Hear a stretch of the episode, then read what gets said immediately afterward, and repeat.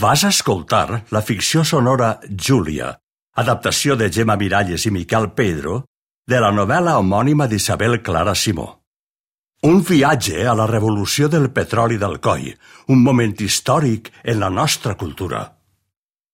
Capítol 6. Els preparatius de la boda.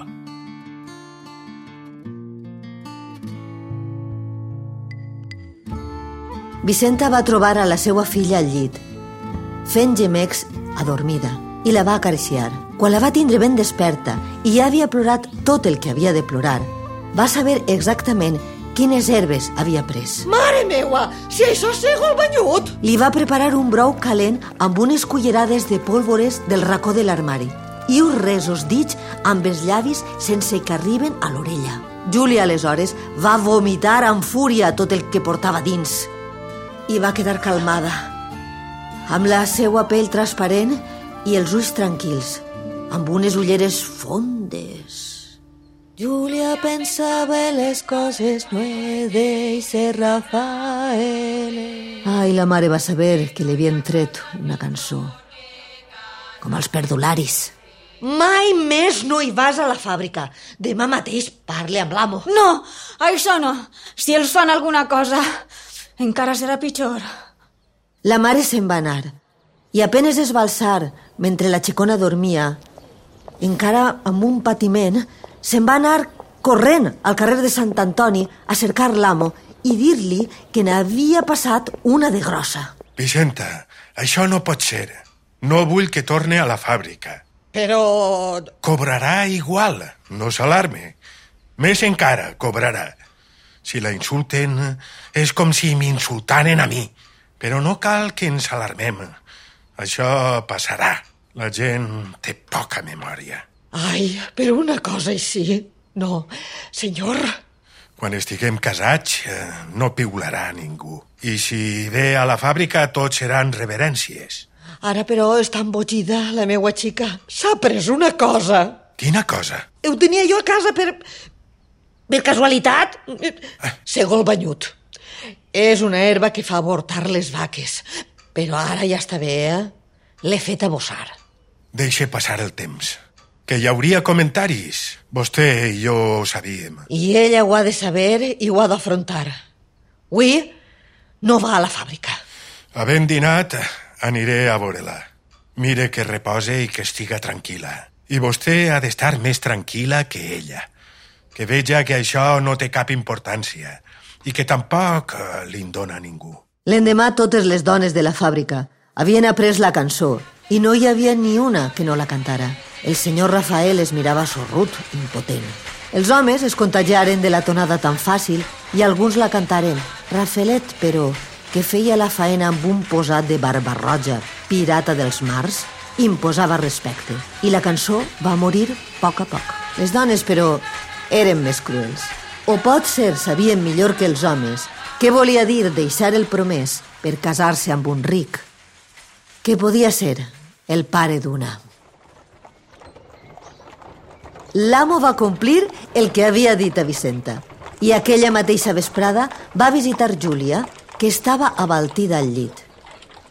Tenia els ulls oberts i en tota l'estona no va deixar de mantindre'ls fixos en la cara de Josep. El senyor Romeu, però, la mirava atarantat. Li enviaré el meu metge. No cal, jo sé el que he de fer. Quan els preparatius estiguen fets, ens casem a les 7 del matí en Sant Jordi, on em van batejar. I el dol? El senyor, nostre senyor, sap molt bé per què trenca el dol. I els fills? La mare està del meu costat. El gran no hi ha problema, ja li ho vaig dir. El xicotet, què sé jo, s'ho trobarà fet i en pau. Sa mare, la seua sogra, hi està d'acord? Sí, només diu que ella, si té un vitalici, Què és això d'un vitalici? un pagament per a tota la vida. Ja ho entenc. Però serà una boda legal, supose. Què diu, dona? I tant que ho serà. És que jo sóc un heretge, eh? I si la gent mal parla? Com vol dir? Perquè malparlar més que ara... Si una boda és precipitada, ja se sap. La gent dirà que han fet Pasqua abans de Rams. Només diu barbaritats, vostè. Imaginem que hi ha set mesos. Què creuran tots, eh? Set mesos? No, ni dels altres. Ja li ho vaig dir. I ara? Què no és una dona la meua filla? O què no és un home, vostè? Sí, però la mare ha dit... I jo em pensava que vostè ho havia comprès. Els dos es miraren Júlia, que tenia els ulls oberts de bat a bat, però que era evident que no entenia el que parlaven o no volia entendre-ho. Uh, anem fora i, i en parlarem.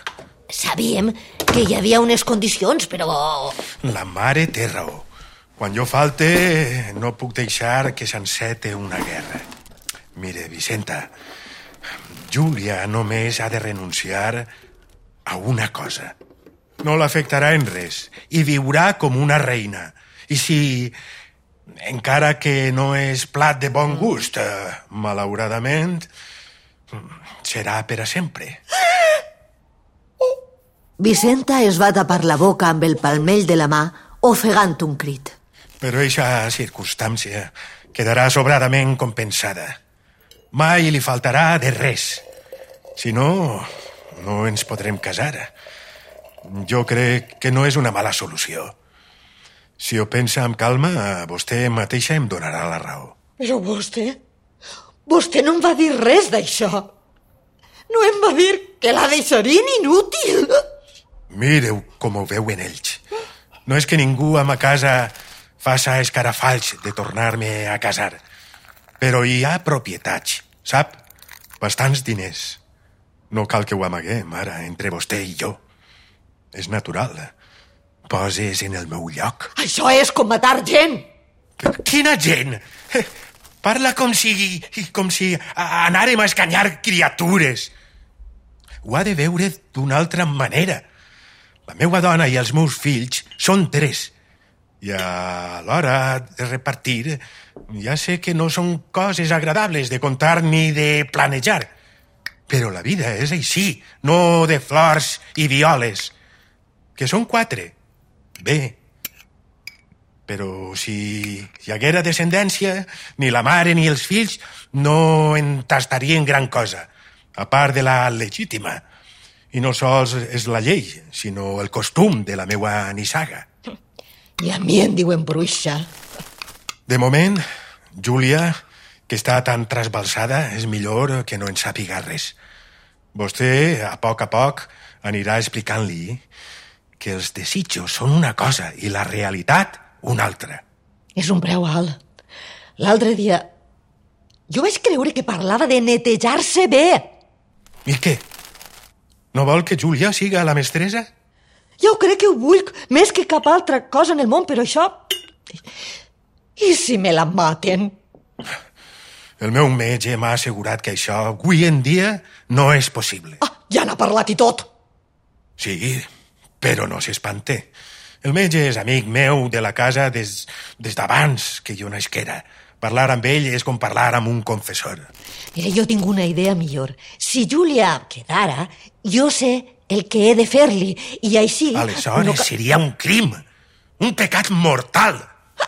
Vostès sí que en saben de fer anar les balances en això dels pecats. Jo no sé veure la diferència. Mare! Mare! Eh, vaja, Vicenta, vaja. Jo me n'he d'anar. Ja en parlarem. Ara l'important és que es recupere.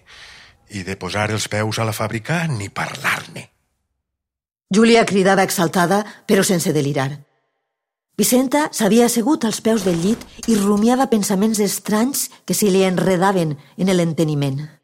Josep Romeu és beato i la novia espiritista encara... Sa mare continuava rumiant sense fer-li cas. Hem picat massa alt. Eixa gent pot més que nosaltres. Molt de rosari, molt de reclinatori a l'església, molt de cols de pit, però faran la seva voluntat per damunt de qui siga. Voleu capar la xiqueta? I jo, eh? una vegada casats, ja no pinta res. Només ara tinc veu. són astuts. La idea no és del senyoret, no. És un pensament de dona, de la sogra. Ha d'haver alguna solució. Potser si anar a parlar amb ella. Ara el senyoret encara està com boig. Fins i tot anava a trencar el dol. Això, això és la clau de tot. El que he d'aprofitar. Ja l'ha fet anar a missa. Anar a missa. Això és important per al Romeu, molt important. Encara no s'han casat. I tant que no. Hi ha les amonestacions. Els dos han de ser presents a l'església. Els romeus haurien de demanar-ho. I jo hi posaré tot de pegues. Ara que, si vostè es porta bé, no em costa gens dir-li a la xica a l'església o et clave una pallissa. Les cabòries són cabòries i el pa és el pa. Vicenta es va alçar per marxar a la faena i quan va tornar a migdia, Júlia s'havia llevat. Estava pentinada i remenant un perol. He fet olleta, mare. Què és diumenge avui? Ah, ah, què és festa? O és que és Sant Jordi i jo sense saber-ho? És que ha arribat un sobre de l'amo. Mire, ara li porte. Quatre pessetes, mare, quatre! El jornal d'un mes. I hi ha una nota que diu... Con afecto, José Romeu. He eixit i he comprat penques i botifarres. He fet una olleta que trenca els esperits. Saps què vol dir això? Me ho imagine. Què? Digues. Que ja no cal que vaig a la fàbrica, que rebrem el salari tocant-nos la panxa i que l'amo em té al cap. I estàs contenta, eh? Ai, no ho sé, però l'olleta fa una olor d'àngels. La mare va mirar el perol que remenava Júlia i que, en efecte, feia una oloreta per a despertar la gana d'un mort. Ui, mare, hi ha molt en el perol. Per a tres dies, pot ser. Vicenta va pujar les escales de la casa de tres pisos, va tocar a totes les portes i va convidar les veïnes a dinar. I mentre Júlia parava a taula, va agafar el sobre i se'n va anar a la vinateria. Va comprar un litre de vi. Es va acostar a la plaça i va arribar a temps a trobar el vell dels melons. En va comprar un de gran, com el ventre d'una prenyada, que ressonava si el colpejaves, senyal que era dolç, sense voler. Allò que havia estat pensat i fet es va convertir en una festa.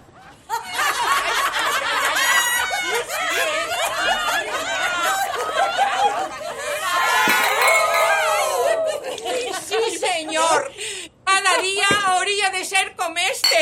És que si algú es casa, Déu ha de celebrar. Vaja, això és lo que pense. Això, això. I quan, Júlia? No deies que Rafelet encara havia d'anar a servir? Oies, s'ha escapat! S'ha escapat. No, si no és amb Rafelet, amb qui es casa la xica. No? I en qui es casa?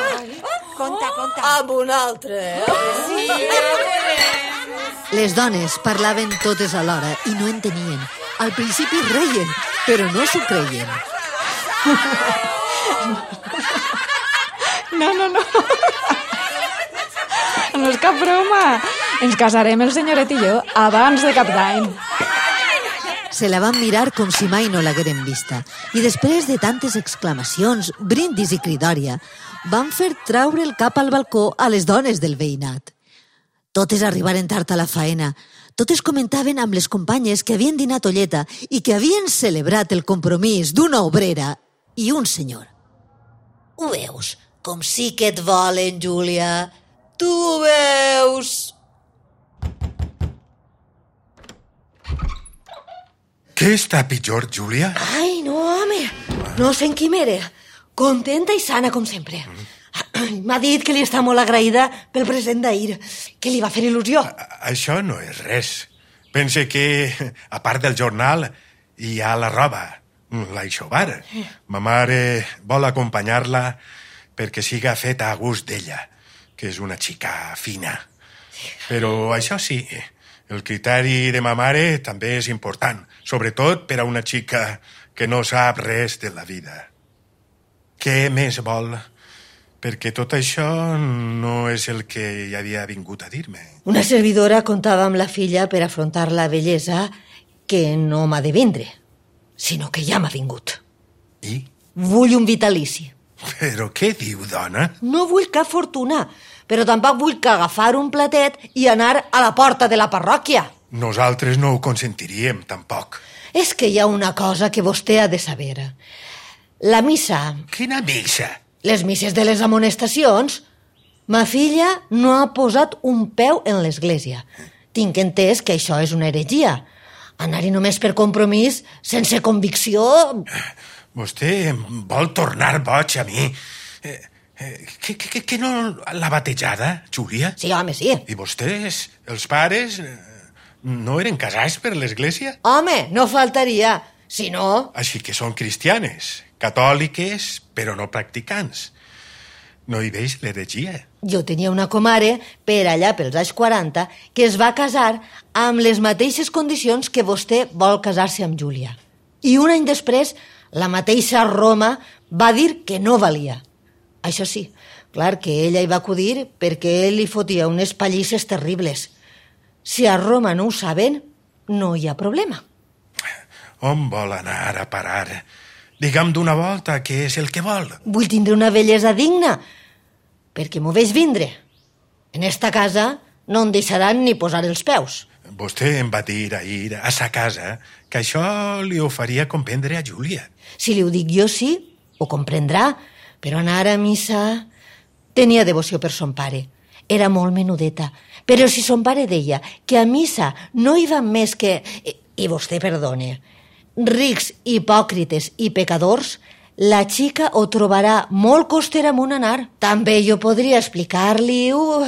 A canvi d'un vitalici? Ai, senyoret, que això no és un vedellet, que parlem d'una boda. Che, parle clar, Vicenta. Vull un vitalici.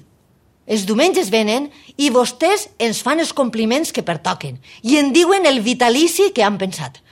Per a poder viure sense estretors i sense haver d'estar sempre trucant a la porta. D'acord. Jo ho vull per escrit, És vostè desconfiada, per Déu. davant de notari. Quan Júlia i Vicenta van entrar a la saleta de visites, hi havia la sogra del senyoret, Dolors Santonja. Vicenta i la senyora Dolors es van mirar. Hi havia Clar, el senyor Josep, i hi havia Miquel, el fill segon. El gran, com havia dit el seu pare, no podia estar present. Dolors era una dona menuda, prima i baixa, amb el cabell gris i la cara afilada. Vestia discretament i no mostrava gens de riquesa. Júlia va trobar l'escena divertida i no va tindre cap mirament de seure i prendre delicadament una tasseta minúscula de cafè que li oferien. Miquelet no havia obert la boca en tota la visita. Miquelet, vés-te'n a estudiar. I vostès segur que tenen coses que parlar. Jo vull ensenyar-li la casa a Júlia. Però no li la va ensenyar, la casa. Va anar corrent passadissos al davant d'ella sense girar la mirada i en un extrem del passadís va obrir una porta i li va fer un gest perquè passara dins d'una saleta. Era reduïda i donava al seu dormitori. La va fer seure. Ens hauríem de conèixer un poc. Al cap i a la fi hem de viure juntes. Sí, senyora. Si vols que et siga franca, a mi esta boda em fa poca gràcia. No per tu, que no dubte que eres una excel·lent persona, sinó pel que vol dir. Tu tens coneixement i segur que m'entens.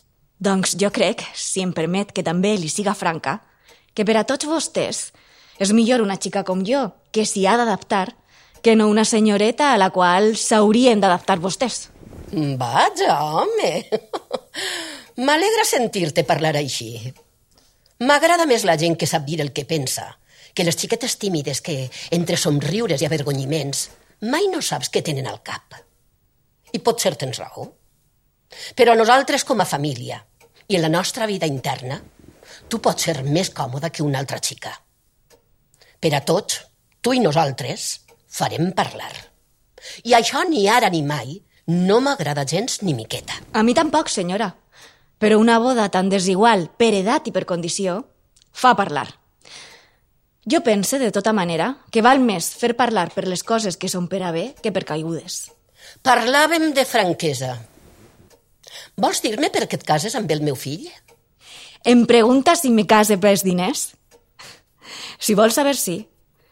Vull dir, també m'hi case, si no pels diners, pel que signifiquen. I perquè l'amo, el senyor Josep, m'estima. I jo sé que puc fer-lo feliç. Deus haver cregut, supose, perquè ja veig que tens més coneixements del que em pensava, que per a tu serà difícil. Hauràs d'aguantar la curiositat i les males llengües. I hauràs d'actuar com si sempre hagueres viscut com una dama. Això vol dir saber menjar, saber portar una conversa, saber fins i tot caminar pel carrer. Josep m'ha dit que vostè m'hi ajudarà. Ho faré. Però tu no ho voldràs. Avui sí, que encara estàs de visita. Però tu saps que quan sigues l'ama d'esta casa, si jo dic que això no s'ha de fer o tal persona no pot vindre invitada, tu seràs la primera que diràs que això és cosa teua. Vostè no em coneix, senyora Dolors. Jo, és cert, no sóc fàcil de doblegar, però sé veure la raó quan n'hi ha. Això espere. Hi ha una altra qüestió. Així som creients. Tu pots ser el que vulgues, però si el teu marit és creient, a tu et toca ser-ho també. Creient? Vol dir que hauré d'anar a missa? Creure, això és cosa meua. La senyora Dolors es va quedar sense paraules, com altres moments davant les respostes de la jove. Aquella xicona acabaria gallejant. Prou que es veia que tenia nervi i voluntat. I una vegada casada... Ma mare m'ha dit que vostè i els fills del senyor Josep no volen que tinguem família. Molt bé. Però això em sembla a mi ho hauríem de decidir també ell i jo. Ah, no. Això sí que no. Josep sap molt bé que l'única condició que li van posar, i no jo, que no hi puc perdre res, sinó els fills, és el dret absolut a l'herència. I que no hi ha boda si abans no ho accepten. I això, perdonem, com ho podran impedir? Per tu mateixa. No voldràs enfrontar un pare i uns fills que hi tenen tots els drets. I si ho fas, esta casa serà un infern. Jo sóc una xica ignorant, però hi ha mitjans. Jo no m'opere. Si no t'operes, no hi ha boda. Els mitjans que hi puga haver, que jo no els sé, no som cap garantia per als fills de la meua Cecília. Que cel siga. O t'operes o t'assegure que no hi ha boda. Hi va haver un silenci. Júlia estava roja fins a les orelles. Sentia ràbia i li mancaven les paraules. Júlia, per tu no has de patir. Seràs la seva dona i això et dona uns drets. Però he de velar pels interessos dels xics, que no tenen cap culpa de les bogeries de son pare. He parlat ja amb el doctor Cort, el metge de capçalera d'esta casa. I m'ha assegurat que és una operació sense importància. Si no t'hi somets, pots aspirar, i em dol ser tan crua, a ser la mistansada de Josep. La seva dona, mai. No té comparació amb un part, que això sí que fa mal. M'ha dit el doctor Cort que mitja hora tot arreglat. Jo no sóc mala persona, Júlia, però he de defendre els meus. Si jo no fora obrera, ningú no parlaria d'herències. Però eres una obrera. Júlia es va alçar del sofà. I les meues condicions? Júlia tenia esdits a la fulla de la porta. La cambra estava molt fosca, però els ulls li brillaven com espurnes atiades al braser. Tu no pots posar condicions. Júlia no va dir res i va eixir al davant. I va caminar ben tesa al llarg del passadís, precedint la senyora Dolors. Quan va arribar a la porta de la saleta, va tocar lleugerament, va entreobrir la porta i va cedir el pas a la sogra. La senyora Dolors va pensar, posant, però, els ulls inexpressius. Sembla una dama, esta mocosa.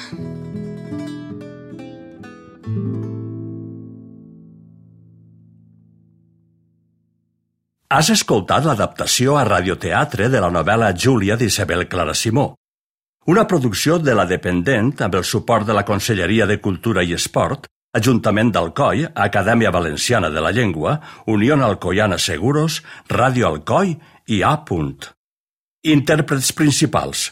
Pepa Miralles, Glòria Román, Juan Salloret, Pau Bercher i Pilar Martínez. Gravació de Luis Vélez i Gonçal Berenguer. Editat per Adrià Sempere i Luis Vélez amb música de Cofre Antic i Rafael Arnal.